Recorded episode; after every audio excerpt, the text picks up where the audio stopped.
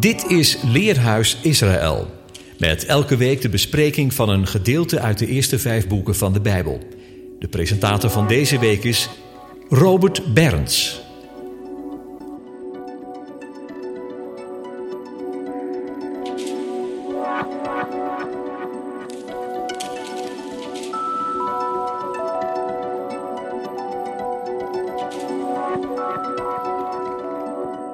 Beste luisteraar, vandaag bespreken we Parasha Tsaf, Leviticus hoofdstuk 6 vanaf vers 8 tot hoofdstuk 8, vers 36.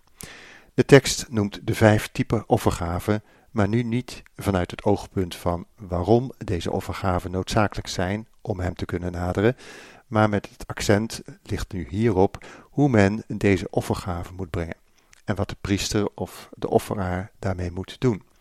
Het zijn nadrukkelijk voorschriften, tsaf, voor de offergave en het altaar dat daartoe geheiligd was en waarop het vuur nooit mocht uitgaan. Daarnaast zijn de voorschriften hoe Aaron en zijn zonen zich hebben te heiligen, zodat zij gewijde priesters rond het geheiligde altaar de dienst aan de heilige konden vervullen. Vandaag is het ook Shabbat voor de Pesach. Die heeft een naam meegekregen, Shabbat Gadol, de grote Sabbat. De bijbehorende Haftra-lezing uit Jeremia 7 wordt dan vervangen door een gedeelte uit Malachi hoofdstuk 3 vanaf vers 4 tot 24. Al deze bijbelgedeelten gaan over de offers, maar meer nog de gesteldheid van het hart waarmee men deze offergave mag brengen. Omdat de toewijding aan de Heere gaandeweg wensen overliet, raakte ook de offerdienst in de tempel meer en meer in verval. De gesteldheid van afvallige harten was een groeiend probleem naarmate het volk in afgoderij, hoerij en ondankbaarheid zich afkeerde van hun maker. Zijn knechten, de profeten, spraken tot een volk dat niet wilde horen en van geen tuchtiging wilde weten en de oprechtheid in hun onderlinge wandel en spreken met de Heere kwijtraakte. De profeet Habakkuk ziet in dezelfde periode als Jeremia met ledenogen aan hoe het van kwaad tot erger ging en Gods oordelen en gerichten niet meer af te wenden waren. In Habakkuk 1 vers 4 lezen we, Daarom verliest de Torah, Gods onderwijzing, haar kracht en nimmer komt het recht tevoorschijn, want de goddeloze omsingelt de rechtvaardige, daarom komt het recht verdraaid tevoorschijn. Ziet onder de volken en let op en verbaast u. Ontzet u, want ik doe een werk in uw dagen dat gij niet zoudt geloven wanneer het verteld wordt. Want zie, ik verwek dat grimmige en onstuimige volk. En in vers 12b, Heere, tot een oordeel hebt gij hem gesteld. En o rots, om te tuchtigen hebt gij hem bestemd. Malachi zegt 200 jaar later het volgende over een huigelachtige offerdienst aan de Heere in hoofdstuk 1, vers 10. Was er maar iemand onder u die de deuren sloot, opdat gij niet te vergeefs mijn altaar zou ontsteken. Ik heb geen welgevallen aan u, zegt de Heer, de Heerscharen, en in een offer van uw hand schep ik geen behagen. Want van waar de zon opkomt tot waar zij ondergaat, is mijn naam groot onder de volken. Alle wegen wordt mijn naam reukwerk gebracht en een rein spijsoffer.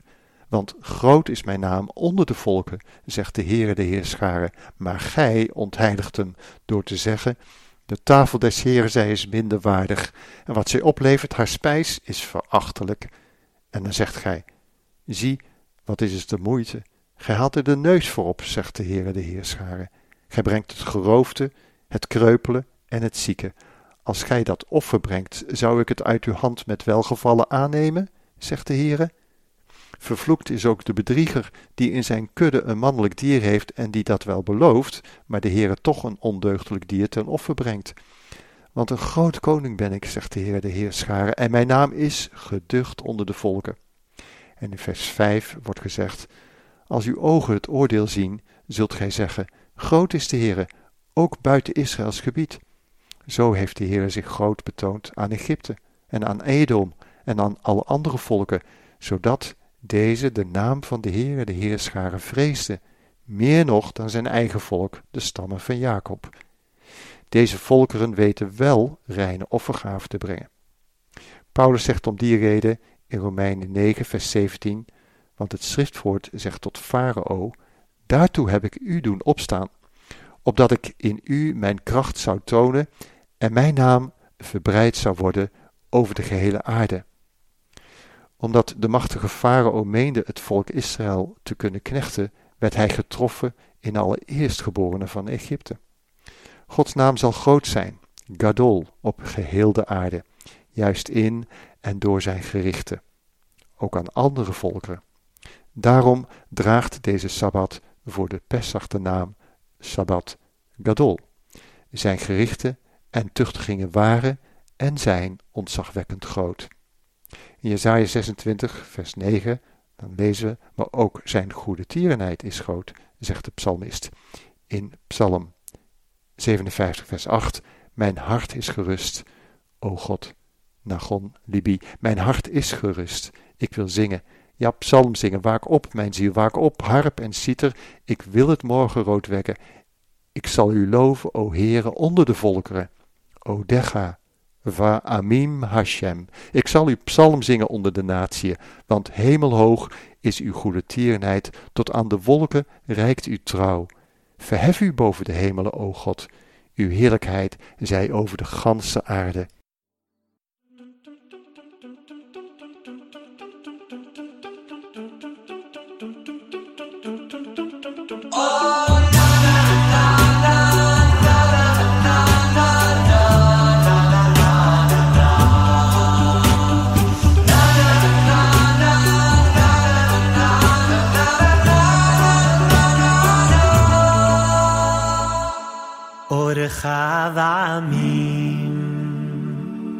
Orchav Amim Hashem Orchav Amim Vamim Hashem Vazamer Chabal Yumim Orchav Amim Orchav Amim Hashem Orchav Amim Vamim Hashem Vazamer a vali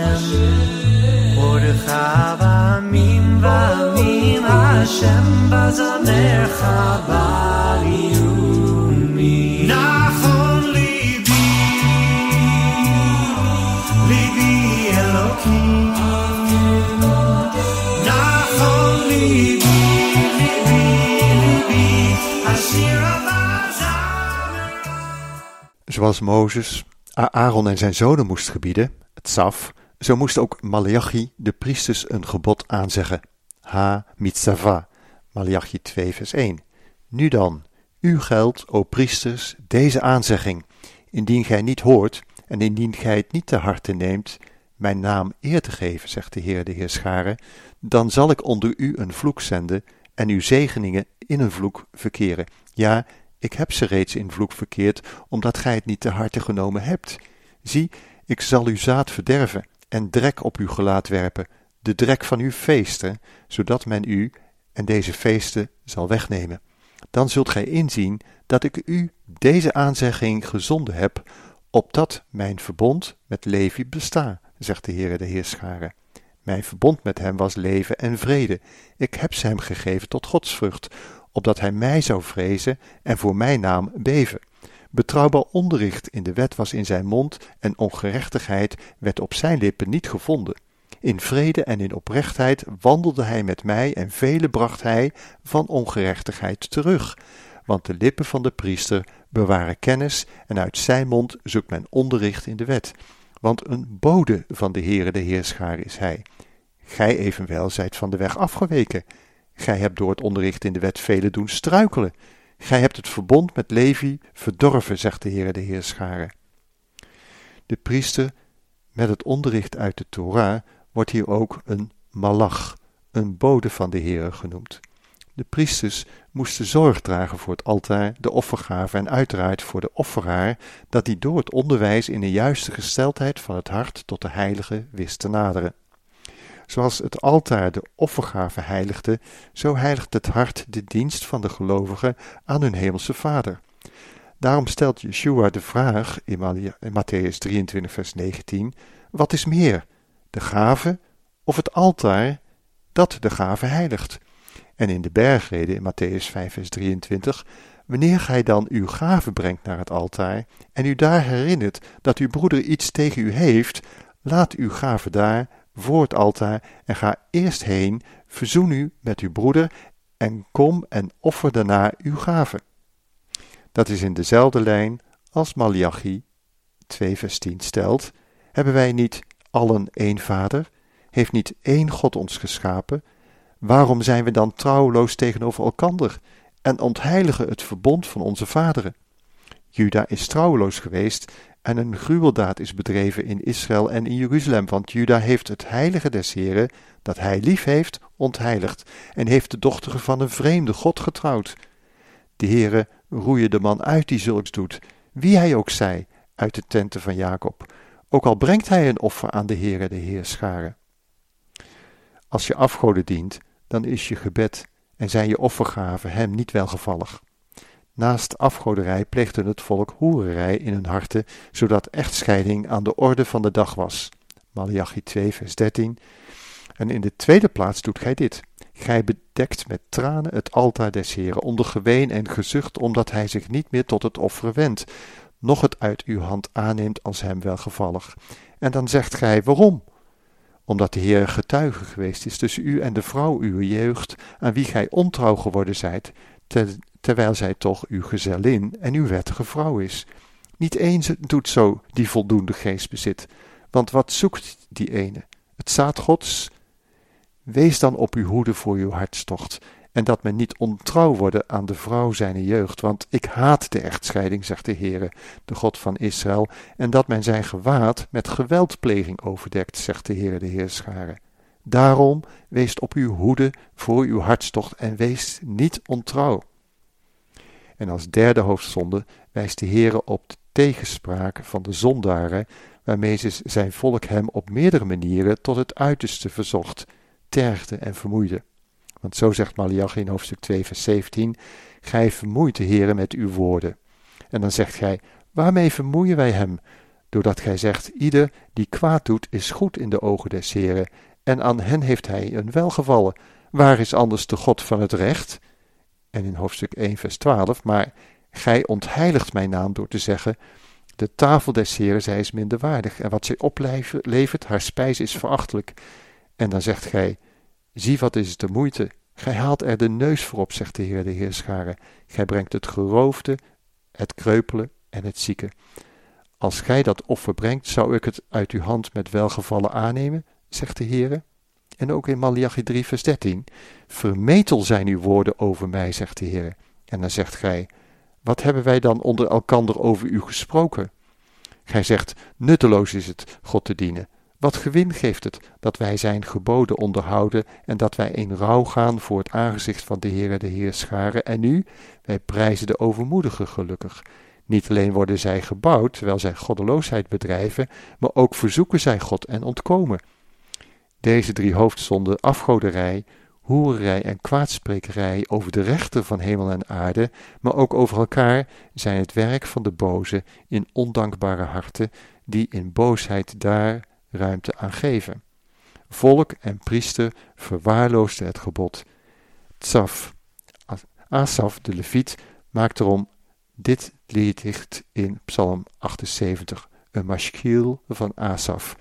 Wend het oor, mijn volk, Azinu Ami, tot mijn leer, mijn Torah. Neigt uw oor tot de woorden van mijn mond, opdat het volgende geslacht die zou kennen, de kinderen die geboren zouden worden, dat zij zouden opstaan om ze te vertellen aan hun kinderen, opdat die hun vertrouwen op God zouden stellen en Gods werken niet vergeten, maar zijn geboden bewaren. Bewaren is van Nazar, van Nazarener. En niet worden gelijk hun vaderen, een weerbarstig en weerspannig geslacht, een geslacht onstandvastig van hart, en welks geest niet trouw was jegens God. Asaf wilde de harten van de vaderen neigen tot die van de kinderen, en die van de kinderen tot de voorzichtigheid van de rechtvaardigen. Laten we dit leerdicht te harte nemen en onze kinderen onderwijzen.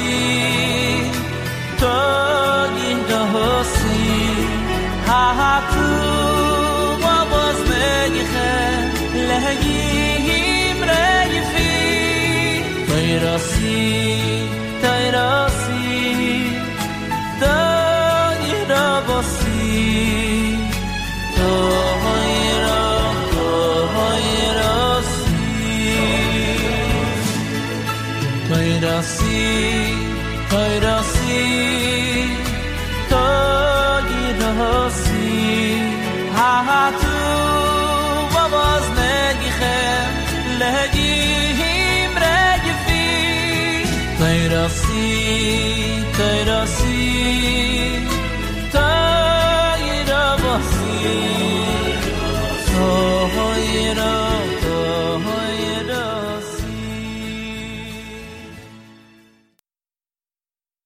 Paulus schrijft de profetieën en de geschiedenis van zijn volk aan om de discipelen uit de volkeren te waarschuwen. In 1 Korinthe 10 lezen we vanaf vers 6: Deze gebeurtenissen zijn ons ten voorbeeld geschied, opdat wij geen lust tot het kwade zouden hebben zoals zij die hadden.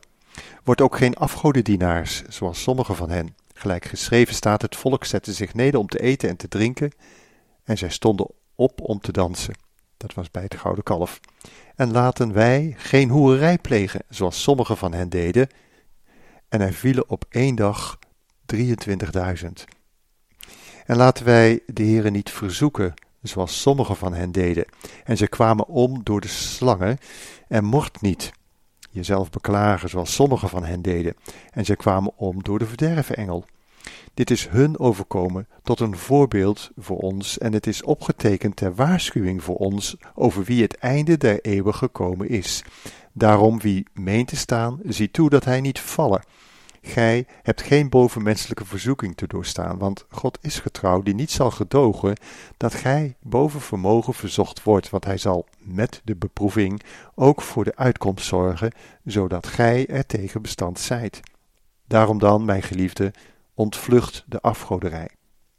Het is niet toevallig dat ook Yeshua op deze drie aspecten door de boze verzocht werd nadat hij veertig dagen had gevast. In Lucas 4, vers 3.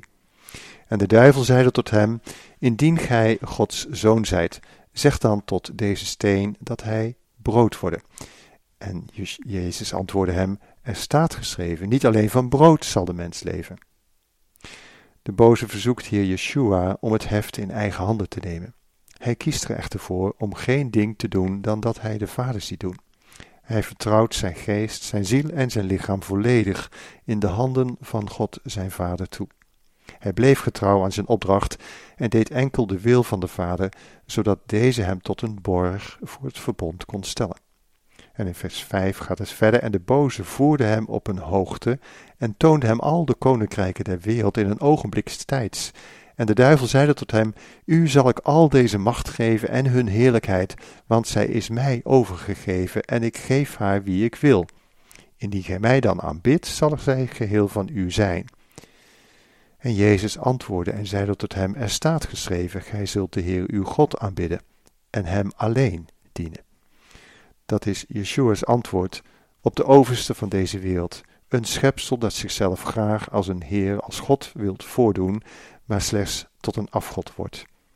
Yeshua, die voor een tijd beneden de engelen was gesteld, volhardde echter geduldig in het eren van de naam van zijn Vader en diende hem alleen, de Allerhoogste. Vervolgens leidde de boze hem naar Jeruzalem en stelde hem op de rand van het dak des tempels en hij zeide tot hem, indien gij Gods zoon zijt, werp uzelf dan van hier naar beneden, want er staat geschreven, aan zijn engelen zal hij opdracht geven aangaande u om u te behoeden. En op de handen zullen zij u dragen, opdat gij uw voet niet aan een steen stoot. En Jezus antwoordde en zeide tot hem, er is gezegd, gij zult de Heer uw God niet verzoeken. En toen de duivel alle verzoeking ten einde had gebracht, week hij van hem, Jezus, tot een bestemde tijd. En Jezus keerde in de kracht des geestes terug naar Galilea. De derde verzoeking is dat je de eeuwige met de kennis van zijn woord de maat neemt met datzelfde woord. Alsof wij met onze beperkte verstandelijke denkvermogens Gods geest de les zouden kunnen lezen. In de kern is dat het verlichtingsdenken waarmee de antichrist in onze tijd velen misleidt. Wanneer de apostelen te Jeruzalem bijeen zijn, gebieden zij alle gemeenten drie zaken. Zij zeggen hen een gebod, tsaf, aan, in Handelingen 15, vers 19. Daarom ben ik, Jacobus, van oordeel dat men hen, die zich uit de volkeren tot God bekeren, niet verder moet lastigvallen, maar hun aanschrijven dat zij zich hebben te onthouden van wat door de afgoden bezoedeld is, van hoerij en van het verstikte en van bloed. Immers, Mozes heeft van oudsher in iedere stad die hem prediken, daar hij elke Shabbat in de synagoge wordt voorgelezen. Ook hier de waarschuwing voor afgoderij en hoerij. Maar wat heeft het verstikte en bloed te maken met kwaadsprekerij? Dat verband lezen wij onder andere in Leviticus 19, vers 16. Gij zult onder de uw volksgenoten niet als een lasteraar rondgaan. Gij zult uw naaste niet naar het leven staan. Ik ben de Heere. De Statenvertaling vertaalt tegen zijn bloed staan. Gij zult uw broeder in uw hart niet haten. Openlijk zult gij uw volksgenoot terechtwijzen en niet ter wille van hem zonde op u laden. Wanneer iemand kwaad over een ander spreekt, moeten we de lasteraar daarover aanspreken, anders zijn we evenzeer schuldig, stelt Leviticus 5 vers 1. Want daar staat, wanneer iemand zondigt, in geval hij een overluid gesproken vervloeking hoort en getuige is, het zij hij het zelf gehoord heeft of het te weten gekomen is, dan draagt hij, indien hij het niet aanbrengt, zijn ongerechtigheid. Hij die onze harten dagelijks beproeft, neemt deze zaken ernstig en vermaant een ieder. Neem van roddelpraat, sorry, neem van roddelpraat het vloeken van je naaste doodserieus afstand. 1 Korinthe 6 vers 9 Of weet gij niet dat onrechtvaardigen het koninkrijk gods niet beërven zullen? Dwaalt niet. Hoereerders, afgodendienaars, overspelers, schandjongens, knapenschenders, dat zijn mannen die bij mannen liggen, dieven, geldgierigen, dronkaards, lasteraars of oplichters zullen het koninkrijk gods niet beërven. En sommige uwen zijn dat geweest. Maar gij hebt u laten afwassen, maar gij zijt geheiligd, maar gij zijt gerechtvaardigd door de naam van de Heere Jezus Christus en door de geest van onze God. Er blijft dus hoop en vergeving wanneer we ons ootmoedig tot hem keren, wanneer we onze ongerechtigheden beleiden. In Psalm 118, vers 5. Uit de benauwdheid heb ik tot de Heere geroepen. De Heere heeft mij geantwoord en mij in de ruimte gesteld. De Heere is met mij. Ik zal niet vrezen. Ik zal niet sterven, maar leven. En ik zal de daden des Heeren vertellen. Een lied vanuit de Shomron om nooit op te geven, ondanks de benauwdheden die ons beproeven. Thank you.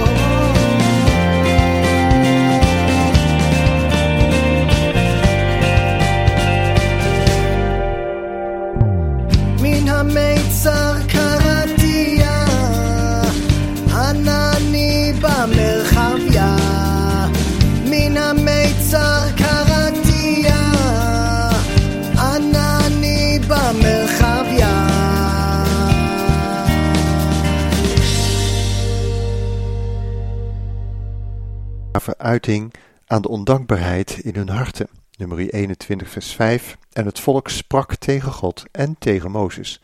Waarom hebt gij ons uit Egypte gevoerd? Om te sterven in de woestijn? Want er is geen brood en geen water, en van deze flauwe spijzen walgen wij. Toen zond de Heere vurige slangen onder het volk. Die beten het volk, zodat er velen van Israël stierven. Daarop kwam het volk tot Mozes en zeide: We hebben gezondigd, want we hebben tegen de Heere en tegen u gesproken. Bid tot de Heere dat hij de slangen van ons wegdoe. Toen bad Mozes ten gunste van het volk. God geeft hem daarop de opdracht om een koperen slang op een staak op te richten ter genezing. In 1 Korinthe 10 vers 3 getuigt Paulus, Allen aten hetzelfde geestelijke voedsel En allen dronken dezelfde geestelijke drank, want zij dronken uit een geestelijke steenrots, welke met hen medeging, en die steen was de Messias. Ook de geestelijke spijze die zij aten, het mannen uit de hemel, was de Messias zelf. Zij spraken in de woestijn kwaad tegen de Heere, tegen degene die met hen meeging. Zij noemden het minachtend flauwe spijze. Ten tijde van Malachi, zijn naam betekent mijn bode, moest deze profeet de priester, die ook een bode van de Heer de Heerschaar genoemd wordt, waarschuwen voor een vorm van kwaadsprekerij tegen God, hun vader. Malachi 1 vers 6 Een zoon eert zijn vader en een knecht zijn heer. Indien ik nu een vader ben, waar is de eerbied voor mij? En indien ik een heer ben, waar is de vrees voor mij, zegt de Heere de Heerscharen, tot u, o priesters, die mijn naam veracht. En dan zegt gij, waarmee verachten wij uw naam? Gij brengt minderwaardige offerspijzen op mijn altaar. En dan zegt gij, waarmede hebben wij u minderwaardig behandeld? Doordat gij zegt, des Heere tafel, zij is verachtelijk. De profeet spreekt over nog twee andere boden. Malachim in Malachi 3 vers 1. Zie, ik zend mijn bode die voor mijn aangezicht de weg bereiden zal. Plotseling zal tot zijn tempel komen de Heere die gij zoekt, namelijk de malach van het verbond die gij begeert. Zie, hij komt, zegt de Heere de Heerscharen. Doch wie kan de dag van zijn komst verdragen en wie zal bestaan als hij verschijnt? De vraag komt naar boven: wie is de bode die de weg zal bereiden? Wie is de malach, de gezondene van het verbond? Het antwoord op die vragen wordt in Malachi 4, vers 1 beantwoord. Zie, ik zend u de profeet Elia, voordat de grote en geduchte dag des Heren komt. Hij zal het hart van de vaderen terugvoeren tot de kinderen en het hart van de kinderen tot hun vaderen, opdat ik niet komen en het land treffen met de ban. Yeshua zegt van Johannes de Doper in Matthäus 11, vers 7: Wat zijt gij in de woestijn gaan aanschouwen? Waarom zijt gij gegaan? Om een profeet te zien? Ja, ik zeg u, zelfs meer dan een profeet. Deze is het van wie geschreven staat: Zie, ik zend mijn bode voor uw aangezicht uit, die uw weg voor u heen bereiden zal. En vers 14: En die gij het wilt aanvaarden, hij is Elia, die komen zou. Yeshua stelt dat de bode waarover de profeet Malachi spreekt, Johannes de Doper is, die voor zijn aangezicht vooruitgestuurd is om zijn weg voor te bereiden. Hij past deze schriftplaats op zichzelf toe. Hij is de malach, de gezondene van het verbond. Dat wordt bevestigd door wat de engel Gabriel tegen Zacharia gezegd heeft bij het reukofferaltaar in de tempel. In Lucas 1 vers 13.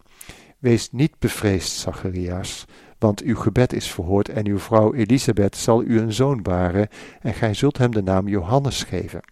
En in vers 16, en vele der kinderen Israël zal hij bekeren tot de Heere hun God, en hij zal voor zijn aangezicht uitgaan in de geest en de kracht van Elia, om de harten van de vaderen te keren tot de kinderen, en de ongehoorzamen tot de gezindheid van de rechtvaardigen, ten einde voor de Heere een wel toegerust volk te bereiden. In Malachi 3, vers 1 gaat het bij de eerste bode over Johannes de Doper, die de weg zal bereiden voor een ander, een tweede gezondene, de malach van het verbond. Dat kan geen engel zijn, want we lezen in dezelfde zin, plotseling zal tot zijn tempel komen de Heere, Ha-Adon, die gij zoekt. Deze malach is de Heere zelf. We doen er goed aan om dan niet met engel te vertalen, want een engel is een schepsel. De Heere is de schepper. Over deze malach van het verbond spreekt ook Richteren 2 vers 1. Toen ging de malach des Heren van Gilgal naar Bokim en zeide, ik heb u uit Egypte doen trekken en gebracht in het land dat ik uw vaderen onder ede beloofd had, en ik heb gezegd, ik zal mijn verbond met u in eeuwigheid niet verbreken, maar gij zult geen verbond sluiten met de bewoners van dit land. Hun altaren zult gij afbreken, doch gij hebt naar mijn stem niet geluisterd. Wat hebt gij gedaan?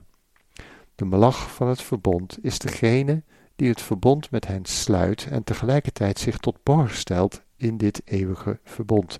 Hij is de gezondene van de Vader die zijn volk uit Egypte geleid had met Pesach.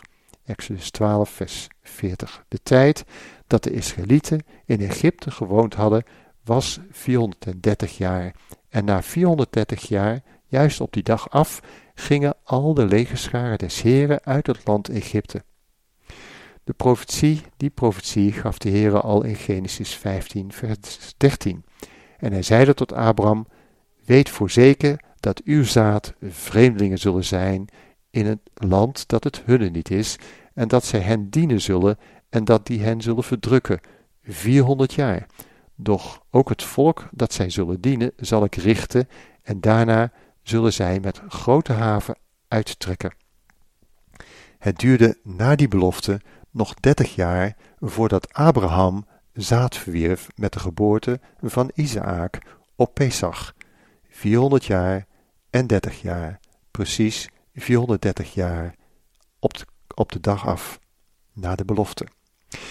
Over de melach van het verbond wordt al in Exodus 23, vers 20 gesproken. Zie, ik zend een melach voor uw aangezicht om u te bewaren op de weg en om u te brengen naar de plaats die ik bereid heb. Neem u voor hem in acht en luister naar hem.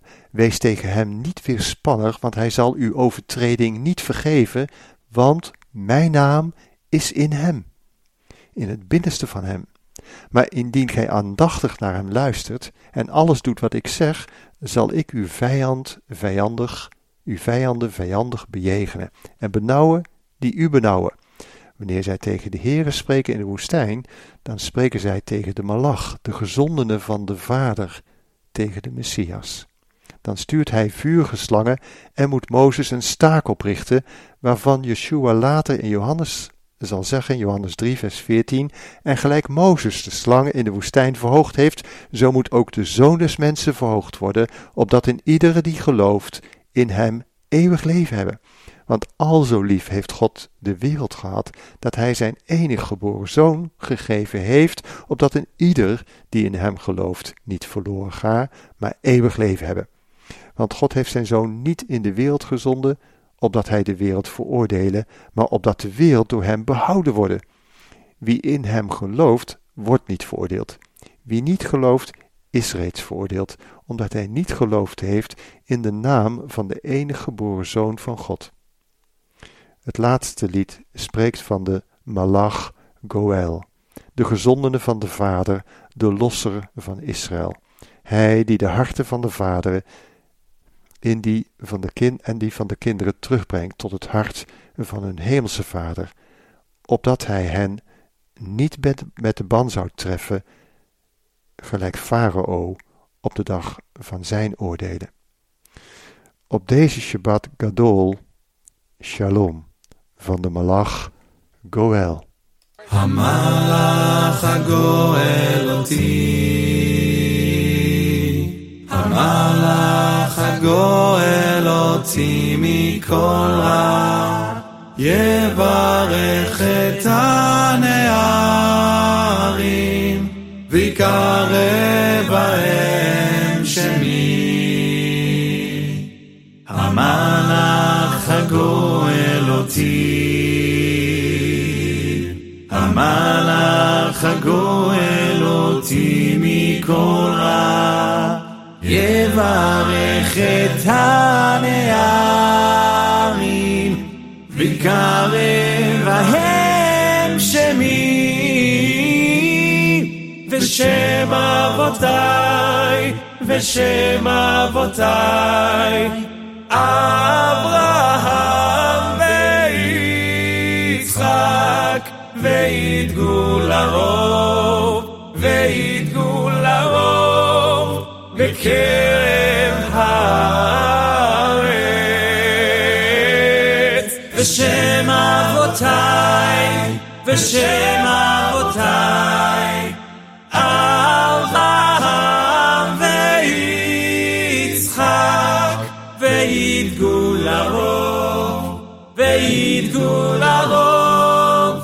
בקרב הארץ,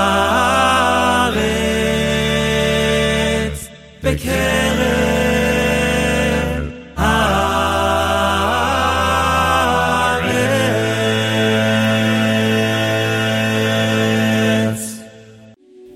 U luisterde naar het programma Leerhuis Radio Israël. Een wekelijkse studie aan de hand van de Bijbelgedeelten die wekelijks door de Joodse gemeenschap worden gelezen. Heeft u een vraag of opmerking? Stuur dan een e-mail naar info-apenstaatje radioisrael.nl. Het leesrooster vindt u op onze website.